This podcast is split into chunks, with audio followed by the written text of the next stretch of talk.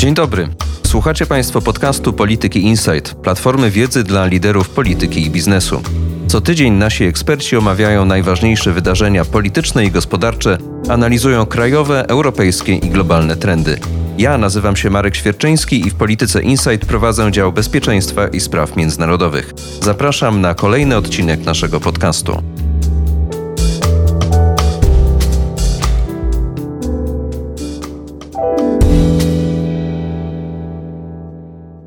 Jest piątek, 29 maja. W podcaście Polityki Insight porozmawiamy dziś, jak z pandemią koronawirusa radzi sobie Ameryka i Europa. Na starym kontynencie wszystkie wysiłki krajów zmierzają do wsparcia gospodarek i jak najszybszego powrotu do ekonomicznej i społecznej normalności. Za oceanem niestety nadal głównym problemem jest żniwo, jakie wirus zbiera wśród Amerykanów. I właśnie od Ameryki dzisiaj zaczynamy. Liczba ofiar koronawirusa w Stanach Zjednoczonych przekroczyła 100 tysięcy, a liczba zakażonych przekroczyła 1 700 tysięcy. Oczywiście obie stale rosną. Ameryka jest więc krajem, który najbardziej odczuwa globalną pandemię, a jej skutki przekładają się na sytuację społeczną, gospodarkę i oczywiście politykę, bo Ameryka w czasie pandemii przygotowuje się do wyborów prezydenckich. Wszystko, co amerykańskie w polityce Inside obserwuje dr Piotr Łukasiewicz, który jest ze mną i któremu muszę zadać pytanie w amerykańskim stylu. Co lub kogo Ameryka Amerykanie będą winić za tę sytuację? Przede wszystkim powinni winić wirusa z takiego medycznego i biologicznego punktu widzenia, a kwestia odpowiedzialności politycznej, społecznej, medycznej pozostaje domeną interpretacji. Zależy kto pyta i kto na to pytanie odpowiada. Zaczynając od samej góry, Donald Trump oczywiście obwini przede wszystkim Chiny i władze chińskie, które według niego ukrywały rozwój epidemii na początku w styczniu. Obwini również swoich przeciwników politycznych, którzy nie pozwalają mu otworzyć gospodarki. Obwini gubernatorów i senatorów w Stanach rządzonych przez demokratów, że nie pozwalają mu na przykład zorganizować konwencji wyborczej, jak to ma miejsce chociażby w ostatnich dniach. Rozpoczął batalię z demokratycznym gubernatorem północnej Karoliny, który nie wyraża entuzjazmu wobec planów przeprowadzenia wielkiej, masowej, w takim trumpowskim stylu konwencji nominującej Trumpa do reelekcji w sierpniu. To jeśli chodzi o szczyty władzy. Jeśli chodzi o stronę przeciwną, stronę liberalno-demokratyczną, tak można byłoby powiedzieć, tutaj odpowiedzi są nie nieco chyba bardziej zniuansowane w tym sensie, że media amerykańskie dostrzegają, że jednak przebieg epidemii w Ameryce nie jest, mówiłeś o 100 tysiącach ofiar, ale jednak ten przebieg epidemii nie jest wcale gorszy niż w innych miejscach świata. Jeśli popatrzy się na te dane na tysiąc mieszkańców, na milion mieszkańców, to epidemia w Stanach nie przebiega wcale gorzej niż epidemia we Francji, we Włoszech, w innych państwach. I też krytycy nawet prezydenta Trumpa przyznają, że gdyby prezydentem był ich ukochany Barack Obama, prawdopodobnie liczba ofiar byłaby podobna, prawdopodobnie ten przebieg byłby podobny, ponieważ liczba ofiar i epidemia wynika z głębokich już warunków, w jakich żyje Ameryka od dziesiątek lat, podziałów społecznych, różnic ekonomicznych itd. Tak Więc tutaj z pewnością prezydenta Trumpa nie można winić aż tak otwarcie za przebieg tej epidemii. Natomiast wielkim przedmiotem sporu pozostaje jego reakcja, jego, można powiedzieć, moralne przywództwo w czasach kryzysu i tu oczywiście demokraci wyciągają rzeczy od jego spóźnionej reakcji, jego niedostatecznej według nich reakcji w styczniu, aż po zapewnienia w lutym i jeszcze na początku marca, że mamy tylko 15 przypadków i za chwilę będzie zero przypadków, że nie ma potrzeby wprowadzania jakichś drastycznych ograniczeń i jego no, dość taką, można powiedzieć, zimną reakcję nawet na przekroczenie tych 100 tysięcy ofiar w tym tygodniu. Minął weekend, tak zwany Memorial Weekend, czyli czas, kiedy Amerykanie wspominają swoich bohaterów poległych w różnych wojnach. W piątek, sobotę, niedzielę odbywały się różne uroczystości na cmentarzach przede wszystkim wojskowych i w momencie, kiedy kiedy Ameryka zbliżała się do tej magicznej liczby 100 tysięcy ofiar, prezydent tweetował przeciwko swoim przeciwnikom politycznym, prawdziwym i domniemanym, wydumanym, grał w golfa, więc tego rodzaju taką no właśnie dość zimną reakcję, niesympatyczną reakcję na tę tragedię demokraci ukazują jako jeden z deficytów takich moralnych przywództwa Trumpa w Ameryce. No i oczywiście we wszystko już w tej chwili wkrada się polityka. Nic dziwnego, bo przecież Ameryka jest w ogniu kampanii prezydenckiej i to jest kampania, jakiej Ameryka nie pamięta. Właśnie dlatego, że odbywa się w takiej dziwnej sytuacji pandemicznej. Nigdy takiej kampanii nie było. Donald Trump, który jest zwierzęciem wiecowym, w cudzysłowie, który czerpie siłę, ale jednocześnie buduje swoją siłę na masowych wiecach, na kontakcie z wyborcami, jest przecież w końcu celebrytą telewizyjnym, więc nie jest to nic dziwnego został w zasadzie ograniczony wyłącznie do kilku briefingów prasowych, na których wyrzuca z siebie serię oskarżeń pod adresem przeciwników, ale wygląda to dość rzeczywiście dziwacznie. Z kolei jego kontrkandydat, demokratyczny senator Joe Biden, były wiceprezydent, który również swoją siłę polityczną czerpie z bliskiego kontaktu z ludźmi. On jest znany jako człowiek, który po pierwsze sam przeszedł wiele osobistych tragedii, zginęła jego żona, zmarł jego syn, więc nadawałby się do roli pocieszyciela narodowego. Zamknięty jest w swojej piwnicy, w swoim domu w Delaware i stamtąd ze studia telewizyjnego w piwnicy nadaje różne przekazy do świata, próbuje dyskutować z politykami Trumpa, więc to jest na pewno wyjątkowe, są wyjątkowe okoliczności tej kampanii. Przy czym oczywiście no widać, że ze strony Trumpa nieprawdopodobna dyskusja w ciągu ostatnich kilku dni, to o czym trzeba powiedzieć. Kwestia noszenia masek, gdzie kwestia rzeczy tak banalnej jak maseczka stała się nawet nie tylko sprawą polityczną, co wręcz wojną kulturową. Kto jest bardziej męski, kto lepiej wygląda w masce czy bez niej. Trump oczywiście się w masce nie pokazuje jako samozwańczy symbol no właśnie takiej męskiej siły w polityce amerykańskiej i wykpiwa na Twitterze, a jego zwolennicy na różnych przekazach telewizyjnych Joe Bidena, który w masce pokazał się w czasie weekendu właśnie na cmentarzu wojskowym w Delaware, gdzie mieszka. Więc nawet tego rodzaju rzeczy zaczynają grać rolę polityczną, kulturową i definiują, wzmacniają zwolenników prezydenta, ale również budzą no, oburzenie jego demokratycznych czy też liberalno-demokratycznych przeciwników, którzy mówią, że maska przecież nie jest do ochrony ciebie, ale maska ma chronić innych. A w jaki sposób pandemia oddziałuje na sam proces wyborczy w Stanach Zjednoczonych? Bo wiemy, że no nie może się odbywać kampania polityczna w tym amerykańskim stylu, do jakiej przywykliśmy. Co będzie z konwencjami? Bo wspominałeś, że gubernatorzy stanów, w których konwencje miałyby się odbywać, no mają pewnego rodzaju zastrzeżenia, głównie z powodu masowości tych imprez. No ale te konwencje mają przynieść pewien formalny skutek, prawda? Na konwencji partie nominują ostatecznie kandydatów w wyborach.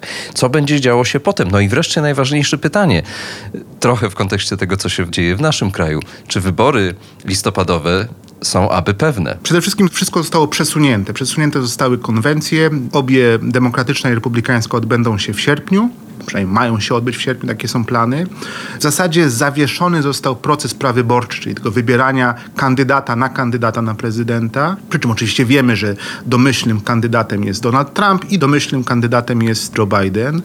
Troszeczkę ta amerykańska dyskusja o wyborach przypomina dyskusję polską, w tym sensie, że tam również jest mowa o głosowaniu listownym, aczkolwiek są kompletnie odwrócone wektory. Jeśli w Polsce zbliżone do republikanów partie są za wyborami listownymi, to z kolei republikanie i Trump w Ameryce są im przeciwko, ponieważ one według nich dawałyby większą możliwość oddania głosu przez takie, no można powiedzieć, dyskryminowane wyborczo mniejszości latynoską czy afroamerykańską, więc oni są przeciwni listownym lub tak zwanym wczesnym wyborom. Raczej starają się, żeby te wybory przebiegały osobiście. Kwestia daty. Kwestia daty. Sprawa wygląda w ten sposób, że prezydent nie może przesunąć wyborów. Nie ma takiego uprawnienia, żeby przesunął wybory albo przełożył wybory na późniejszy termin. Konstytucja mówi dość jasno, że powinny się one odbyć w listopadzie i objęcie stanowiska nastąpi następnego roku. To słynne sformułowanie pierwszy wtorek po pierwszym poniedziałku listopada. Więc nie ma tej możliwości przesunięcia tych wyborów. Kongres musiałby się zebrać i wspólnie y, pokojowo ustalić jakieś tutaj przesunięcie tych wyborów. Więc raczej mówimy o wyborach, które odbędą się w różnych formach, listownych, wczesnych, również osobistych. Wszyscy mają nadzieję, że pandemia, no właśnie, pytanie, czy ona wygaśnie na jesień, czy też być może uderzy z nową siłą. Więc y, no, na razie proces wyborczy przebiega poza takimi, no właśnie, drobnymi przesunięciami, przebiega bez zakłócenia takiego formalnego. No, co na pewno można sobie wyobrazić, że jednak ten kryzys państwo amerykańskie przetrwa bez kłopotów, bez kłopotów konstytucyjnych, bez kłopotów formalnych. Oczywiście te wybory będą tak samo dziwne, jak i kampania jest dziwna.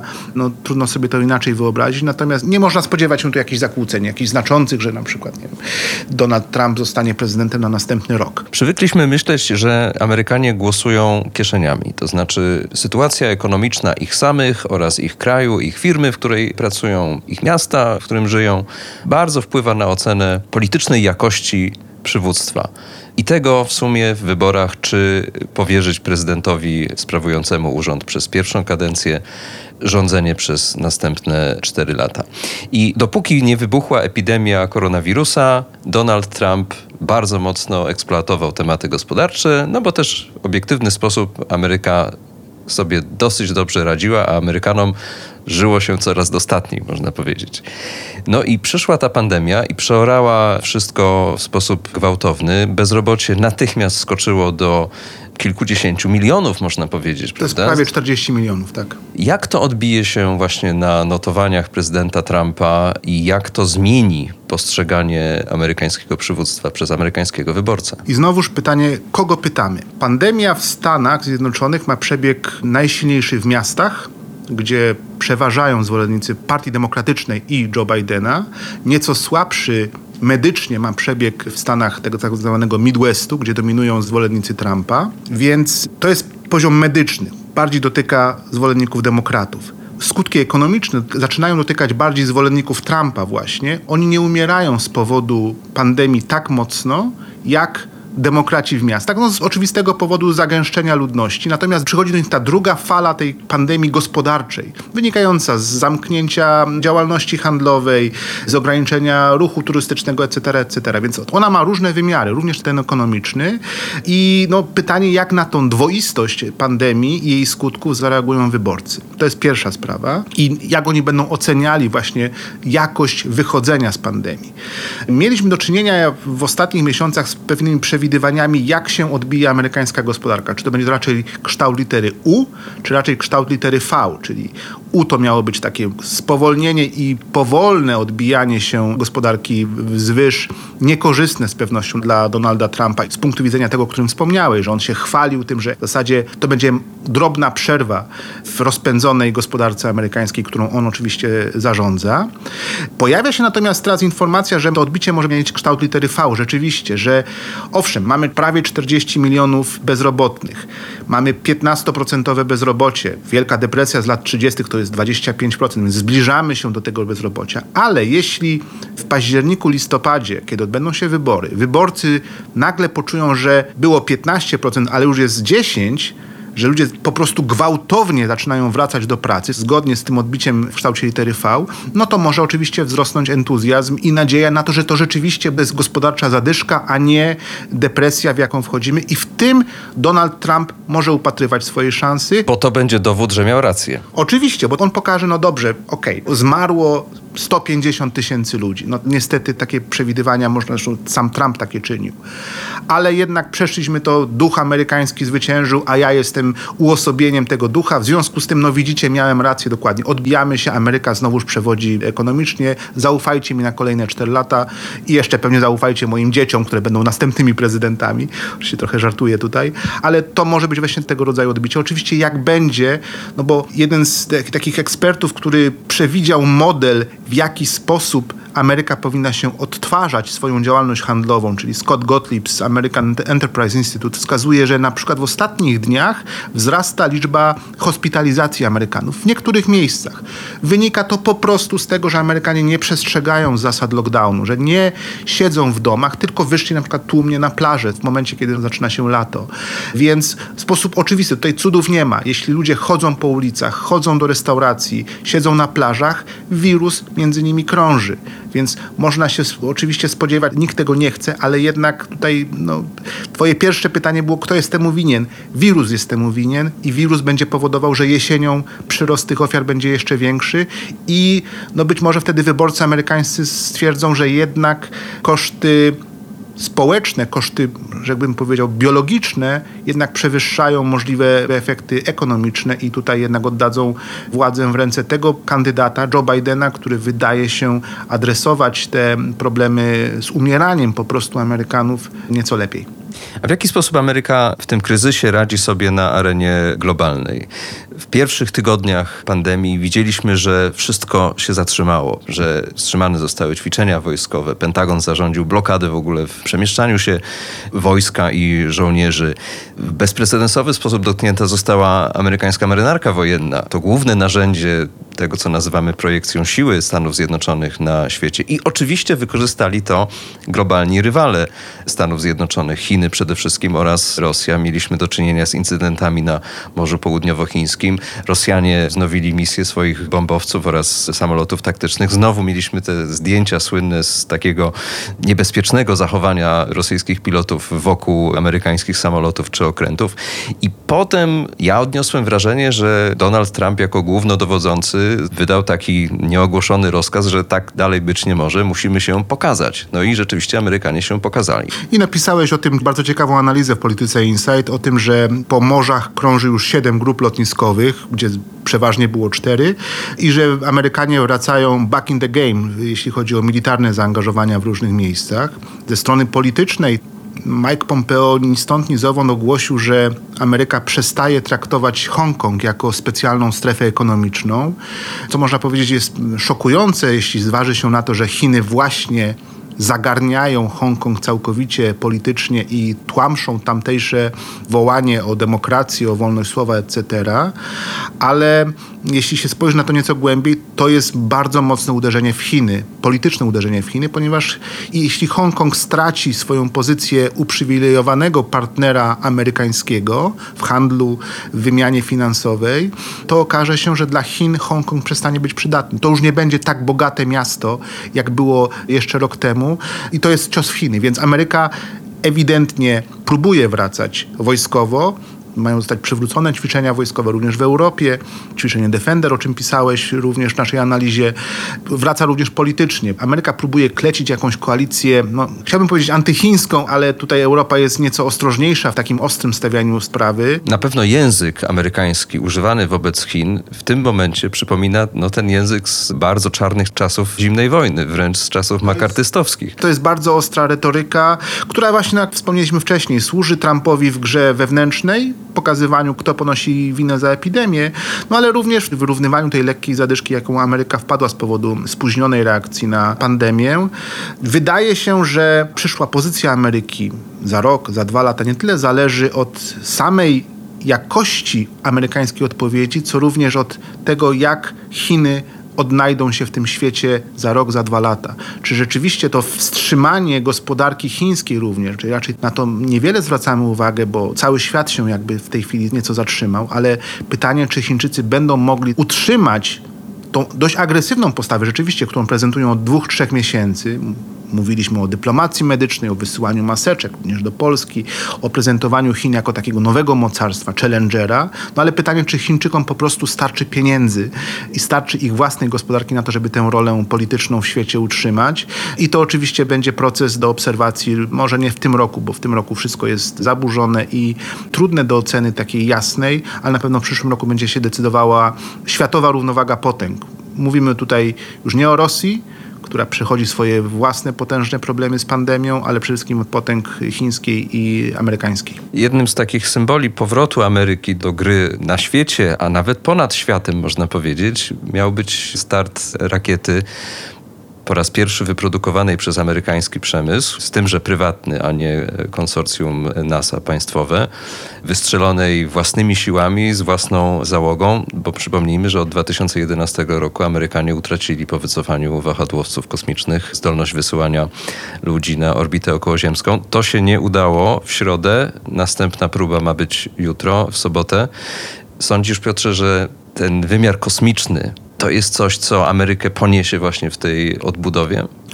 Donald Trump przy wszystkich jego deficytach budzi moją osobistą sympatię za nacisk i pieniądze przede wszystkim, które za tym naciskiem idą, na rozwój programu kosmicznego i dofinansowanie NASA. Marzenie o tym, żeby człowiek wrócił na Księżyc, być może. Mowa jest nawet o tym, żeby polecieć z misją załogową na Marsa. I to ten chyba prezydent będzie, który odnawia to amerykańskie, ale pewnie również światowe marzenie o eksploracji przestrzeni kosmicznej.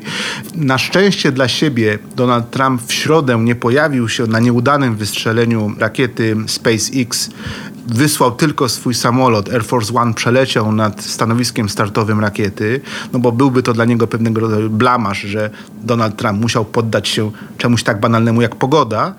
Ten start, miejmy nadzieję, odbędzie się z piątku na sobotę naszego czasu. Będzie to na pewno ekscytujące wydarzenie, ale jak mówię, Donald Trump akurat ze wszystkich swoich polityk, politykę kosmiczną stawia na pierwszym miejscu, jako pewien, to właśnie John Kennedy jest zapamiętany w historii amerykańskiej, dlatego, że wysłał człowieka na Księżyc. Dlatego, że podjął A tą... przynajmniej sformułował taki plan, bo faktu tego nie dożył. Nie dożył tego, ale to on rozpoczął program misji załogowej na Księżyc i Donald Trump przy wszystkich różnicach z Johnem Kennedym będzie pamiętany jako ten człowiek, który zdecydowanie wzmacniał rolę NASA i eksploracji kosmicznej, co jest pozytywne.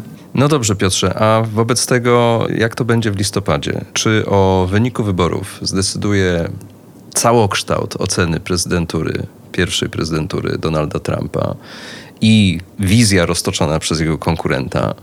Czy zdecyduje stan kieszeni, gospodarka w kryzysie pandemicznym? Czy zdecyduje coś, o czym jeszcze nie mamy pojęcia? Czy przyjdzie jakaś październikowa niespodzianka? Wszyscy, którzy się w 2016 roku łącznie ze mną fatalnie pomylili w ocenie możliwych wyników wyborów, stawiali na Hillary Clinton, która dominowała w sondażach, a wygrał Donald Trump, nie powtórzą pewnie tego błędu w 2020 roku. Natomiast gdybym miał stawiać na wynik wyborczy, postawiłbym na Bidena, mimo wszystko jednak. Nie przewiduję jego wygranej, ale postawiłbym na niego, ponieważ sprzyjają mu sondaże. Zauważalne jest coś takiego po stronie republikańskiej, po stronie tak zwanych umiarkowanych republikanów, umiarkowanych konserwatywnych, pewnego rodzaju rodzący się sprzeciw przeciwko tym wojnom kulturowym, które Donald Trump wszczyna, zwłaszcza w czasie narodowej tragedii. Jest wiele ośrodków republikańskich, byłych kongresmenów, byłych współpracowników Partii Republikańskiej, nawet obecnych, ale którzy nieco siedzą przytłamszeni przez te pierwsze 3-4 lata Donalda Trumpa, którzy obecnie podnoszą głowę i mówią, ten człowiek nie ma moralnego prawa być naszym przywódcą. On nie nadaje się, no właśnie, nie spełnia tej moralnej roli bycia przywódcą Stanów Zjednoczonych.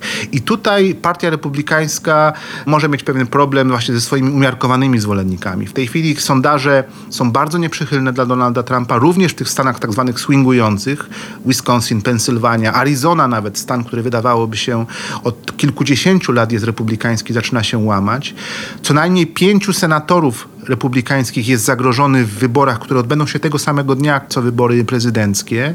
I chyba Partia Republikańska jej zwolennicy może zastanawiać się, czy rzeczywiście warto to kontynuować. Te wojny kulturowe, które Donald Trump realizując swój interes wszczyna.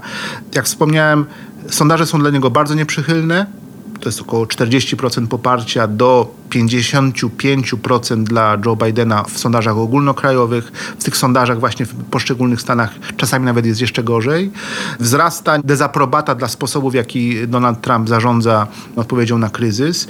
Więc jak mówię, nie śmiem przewidywać wyniku wyborów, natomiast chyba powinno się obstawiać jednak zwycięstwo Joe Bidena, jeśli oczywiście się nic nie zmieni, jeśli nie nastąpi chociażby ten właśnie wspomniany wcześniej przez nas to odbicie gospodarki, które będzie dawało nadzieję Amerykanom, że tak, że duch amerykański zwyciężył z wirusem i ekonomia się po prostu na chwilę zatrzymała i odzyskuje swoją werwę.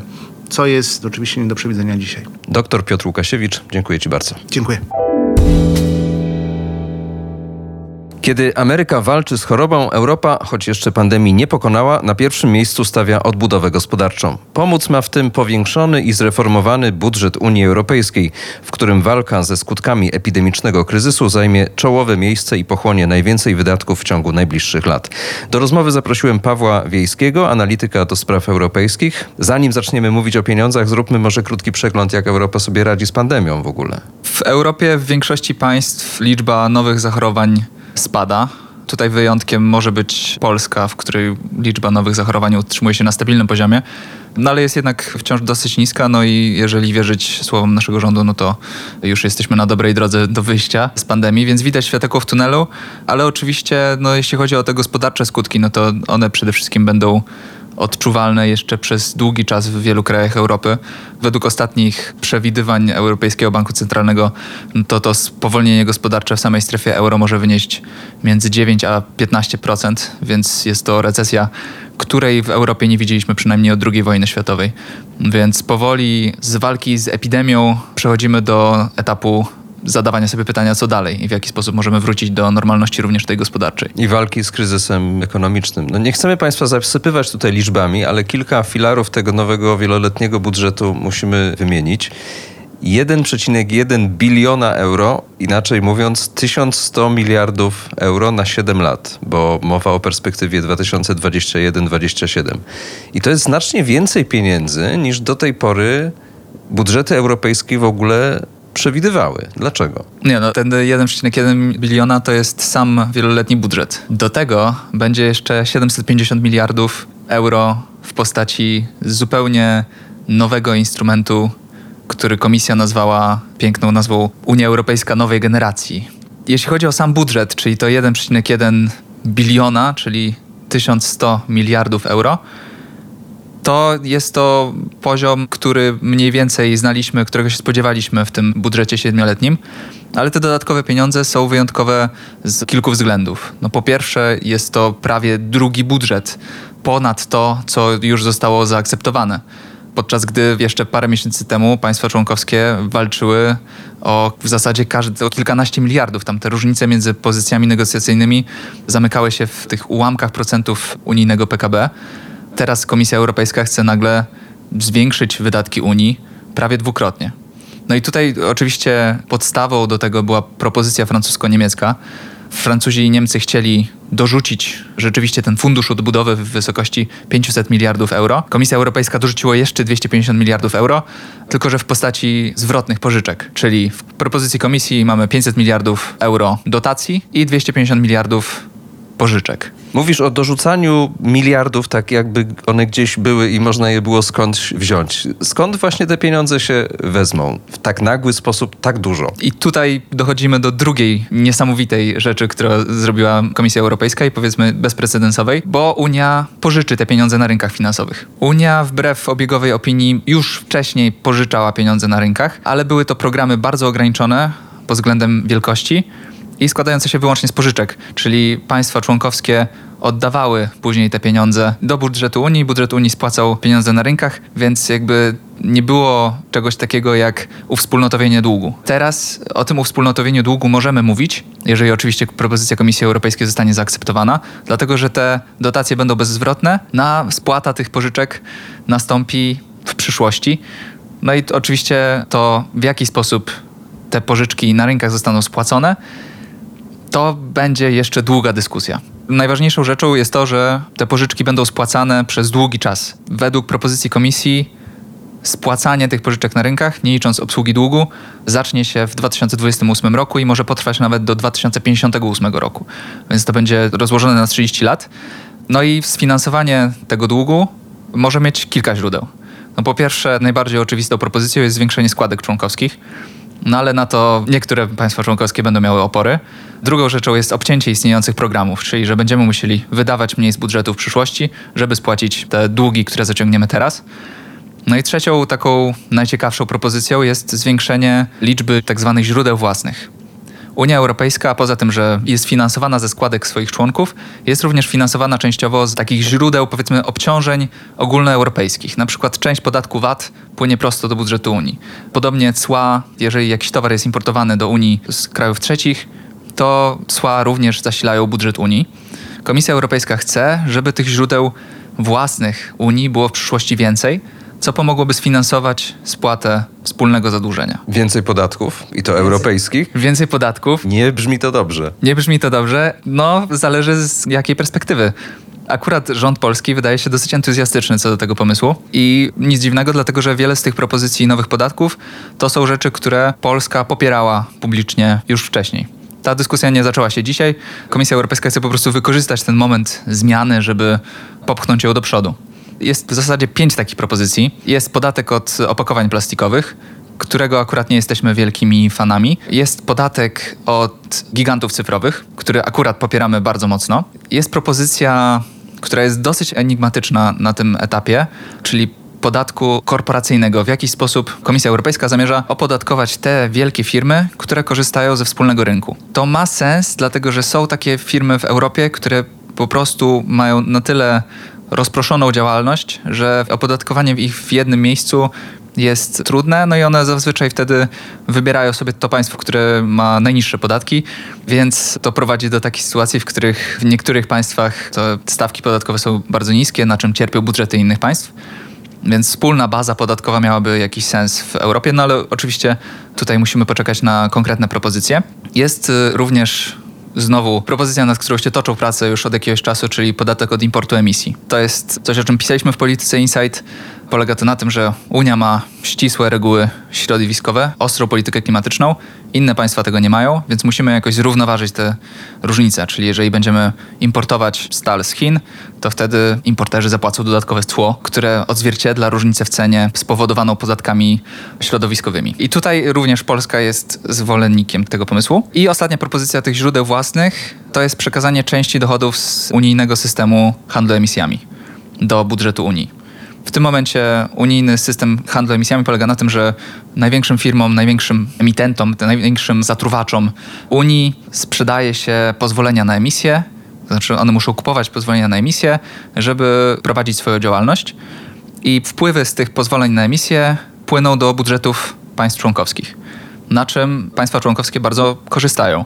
Oczywiście muszą te pieniądze wydawać w jakiś sposób zgodny z polityką klimatyczną, przynajmniej częściowo, no ale korzystają z tego i dlatego też propozycja, żeby część z tych wpływów przekazać do Unii jest kontrowersyjna już została przedstawiona i nie spotkała się ze zbyt ciepłym przyjęciem, ale no, została zaproponowana w świecie, w którym nie mieliśmy koronawirusa i nie mieliśmy tej dziury budżetowej i tego długu, który planujemy teraz zaciągnąć. Więc może ta sytuacja się zmieni. Czyli powiedzieliśmy skąd te pieniądze, no przynajmniej według tych planów i założeń Unia chciałaby wziąć, a na co miałaby je przeznaczyć, tak? Bo w ostatnich latach poprzedzających wreszcie opublikowanie tej propozycji wieloletniego budżetu padały rozmaite propozycje zmiany sposobu finansowania tego, co Unia Europejska do tej pory dofinansowywała. Mówiło się o reformie polityki rolnej, mówiło się o właśnie położeniu większego nacisku na kwestie klimatyczne. Ukute zostało wręcz sformułowanie zielony budżet. Czy rzeczywiście te kwestie ochrony klimatu, zaradzenia zbliżającej się katastrofie klimatycznej zajmują tak ważne miejsce w tym budżecie, czy jednak kwestie, że tak powiem, twardej gospodarki, które wynikły właśnie z kryzysu pandemicznego, zmusiły liderów do powrotu do, że tak powiem, tradycyjnego sposobu myślenia? Zacznijmy może od tego, na co te pieniądze zostaną przeznaczone. I tutaj tak naprawdę, jeśli chodzi o obszary działalności Unii, za dużo się nie zmieni dlatego że ten nowy instrument, ten fundusz odbudowy, on będzie płynął przez te kanały znane z obecnego budżetu Unii. Czyli nadal będziemy mieli politykę spójności, nadal będziemy mieli politykę rolną i jeśli chodzi o politykę spójności, politykę rolną, to one w samym budżecie Unii zmniejszą się, ale zostaną dofinansowane tymi pieniędzmi ze wspólnego długu. Więc tutaj zbyt dużo się nie zmieni. Oczywiście zieloność tego budżetu pozostanie priorytetem. I tutaj Komisja Europejska proponuje taką zasadę, żeby nie szkodzić. Po pierwsze, nie szkodzić. Jeżeli mamy jakieś rzeczy finansować, musimy się upewnić, że nie są one sprzeczne z celami klimatycznymi Unii. One nie muszą być kompletnie zgodne, w sensie nie muszą prowadzić do jakichś niesamowitych redukcji emisji, ale żeby chociaż tych emisji nie zwiększały. To oczywiście diabeł tkwi w szczegółach. Można się zastanawiać, czy inwestycje w gaz na przykład są takimi inwestycjami i nad tym na pewno będą kruszone kopie w Brukseli.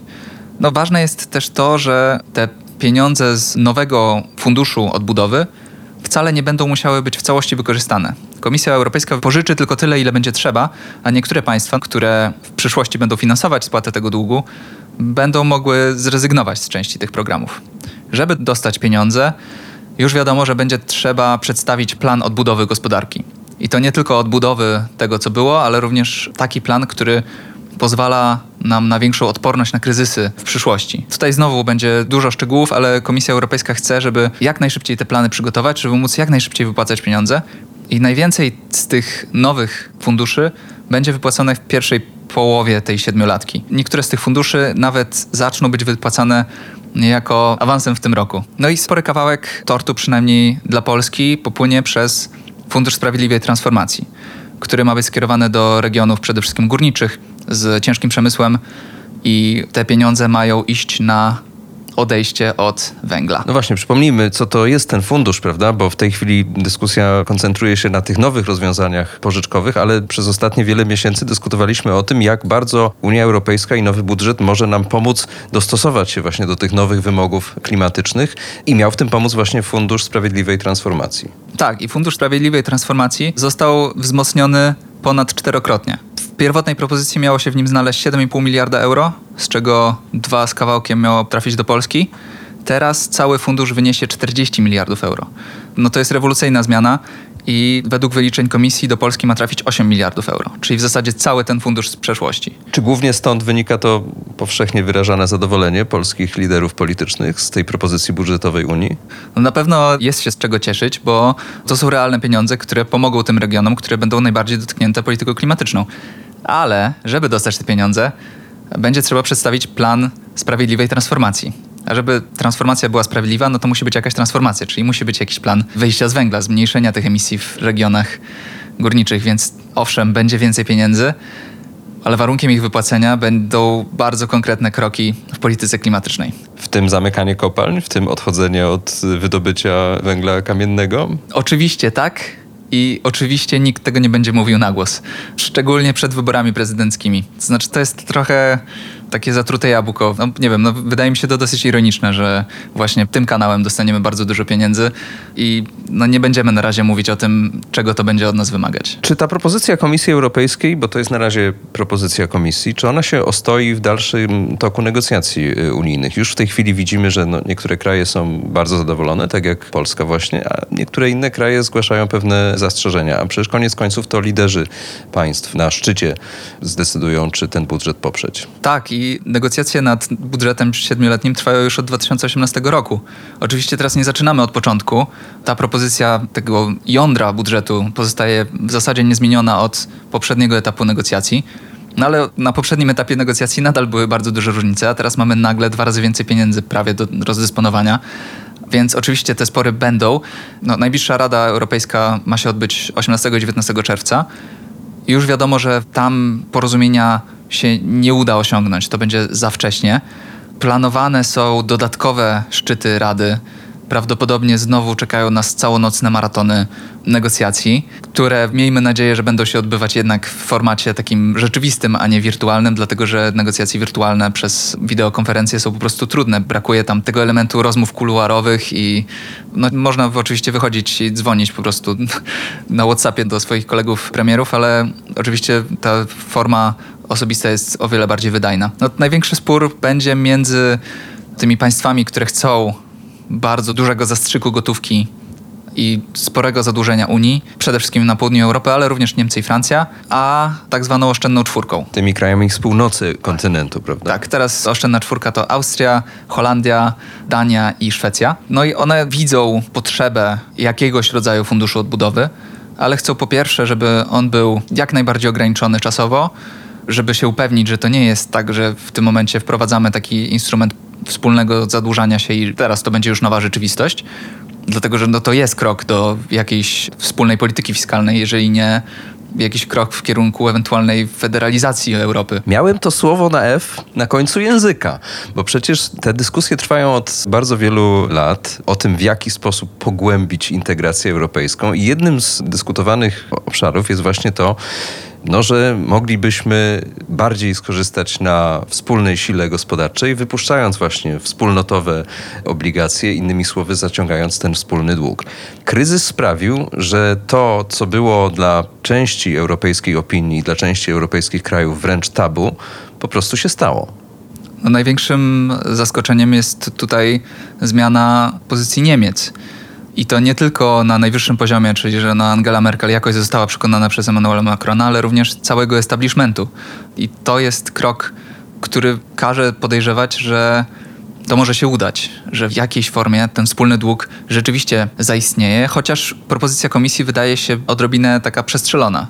Czyli że zaczęła z wysokiego poziomu, żeby mieć z czego schodzić. Prawdopodobnie ta proporcja pożyczek i dotacji się zmieni na korzyść pożyczek. Więcej będzie pożyczek i prawdopodobnie będą one obwarowane dodatkowymi warunkami. Już teraz wiadomo, że tam będą warunki zarówno właśnie tych planów odbudowy, ale również takiej po prostu polityki fiskalnej narodowej, reform gospodarczych, reform rynku pracy, więc to nie będzie tak, że te pieniądze będą po prostu bez żadnych dodatkowych warunków wypłacane w tym krajom południa. No, zwłaszcza, że jeszcze niedawno, dosłownie parę tygodni temu, żyliśmy wszyscy, no przynajmniej na tym europejskim poziomie, wielkim sporem między Niemcami a Brukselą właśnie o politykę fiskalną i suwerenność ekonomiczną. Rozumiem, że odwołujesz się do wyroku Trybunału Konstytucyjnego niemieckiego, który podważył siłę Europejskiego Banku Centralnego co do programu luzowania ilościowego.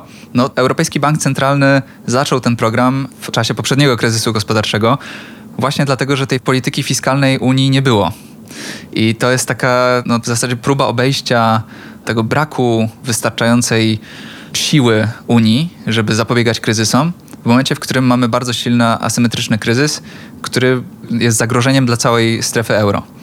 No i wydaje się, że może ten wyrok Trybunału Konstytucyjnego był jednym z czynników, który wpłynął na decyzję Niemiec, że jeżeli jest zagrożenie, że Europejski Bank Centralny może mieć w jakiś sposób związane ręce, no to musimy wesprzeć gospodarkę Unii takimi tradycyjnymi sposobami, bardziej od strony polityki fiskalnej niż od polityki monetarnej. To kończąc jeszcze, przejdźmy do takiego najprostszego konkretu. Od kiedy będzie się można i na jakich zasadach do tych europejskich wielkich pieniędzy dobrać? No tutaj oczywiście już pewne programy zostały przyjęte na samym początku pandemii które pozwalają na szybsze i pełniejsze wykorzystanie tych funduszy, które już były dostępne, czyli z poprzedniej siedmiolatki, która się właśnie kończy. W zasadzie całość z tych pieniędzy, które częściowo prawdopodobnie zostałyby zwrócone do Brukseli, teraz możemy wykorzystać na wsparcie ochrony zdrowia, ale również na taką politykę społeczną. Większość tych pieniędzy, o których teraz mówi Bruksela, będzie do wykorzystania od 2021 roku i to, jak szybko te pieniądze będą dostępne, zależy od postępów negocjacji. Jeżeli uda się zamknąć negocjacje na poziomie Rady Europejskiej przed jesienią, to jest duża szansa, że już od 1 stycznia te pieniądze mogą zacząć płynąć. Zwłaszcza, że Bruksela już namawia stolicę, żeby te plany odbudowy przygotowywały zapasem czasu, nawet nie czekając na koniec negocjacji, żeby po prostu móc jak najszybciej te pieniądze zacząć wydawać. A jak nam to idzie w Polsce? Przygotowanie tych wszystkich programów operacyjnych? No tutaj oczywiście nie mogliśmy zacząć, dlatego że te wytyczne dopiero powstają, więc to prawdopodobnie będzie się działo jesienią. No ale myślę, że jak jest potrzeba, no to damy radę, tak? W sensie, jeżeli są pieniądze do wydania, to zazwyczaj jesteśmy całkiem sprawni, żeby to robić robić, no tutaj największym problemem będą prawdopodobnie te plany sprawiedliwej transformacji. Ze względu właśnie na to, że będą wymagały konkretnych kroków w stronę odejścia od węgla. W każdym razie, zarówno jeśli chodzi o zasady funkcjonowania nowego budżetu europejskiego, jak i jego objętość, możemy mówić o przełomowym momencie. Zdecydowanie tak. Paweł Wiejski, bardzo Ci dziękuję. Dziękuję. Na dziś to wszystko. Zapraszam w przyszłym tygodniu na kolejny odcinek podcastu Polityki Insight. Posłuchajcie również naszych innych audycji. We wtorki Energii do Zmiany, w środy Dużego Pałacu o wyborach prezydenckich, a w czwartki technologicznego podcastu Przyszłość jest dziś. Znajdziecie nas w najważniejszych serwisach podcastowych: Spotify, Apple Podcast, Google Podcast, SoundCloudzie i aplikacji Radia Tok FM. Słuchajcie, obserwujcie i komentujcie. Do usłyszenia.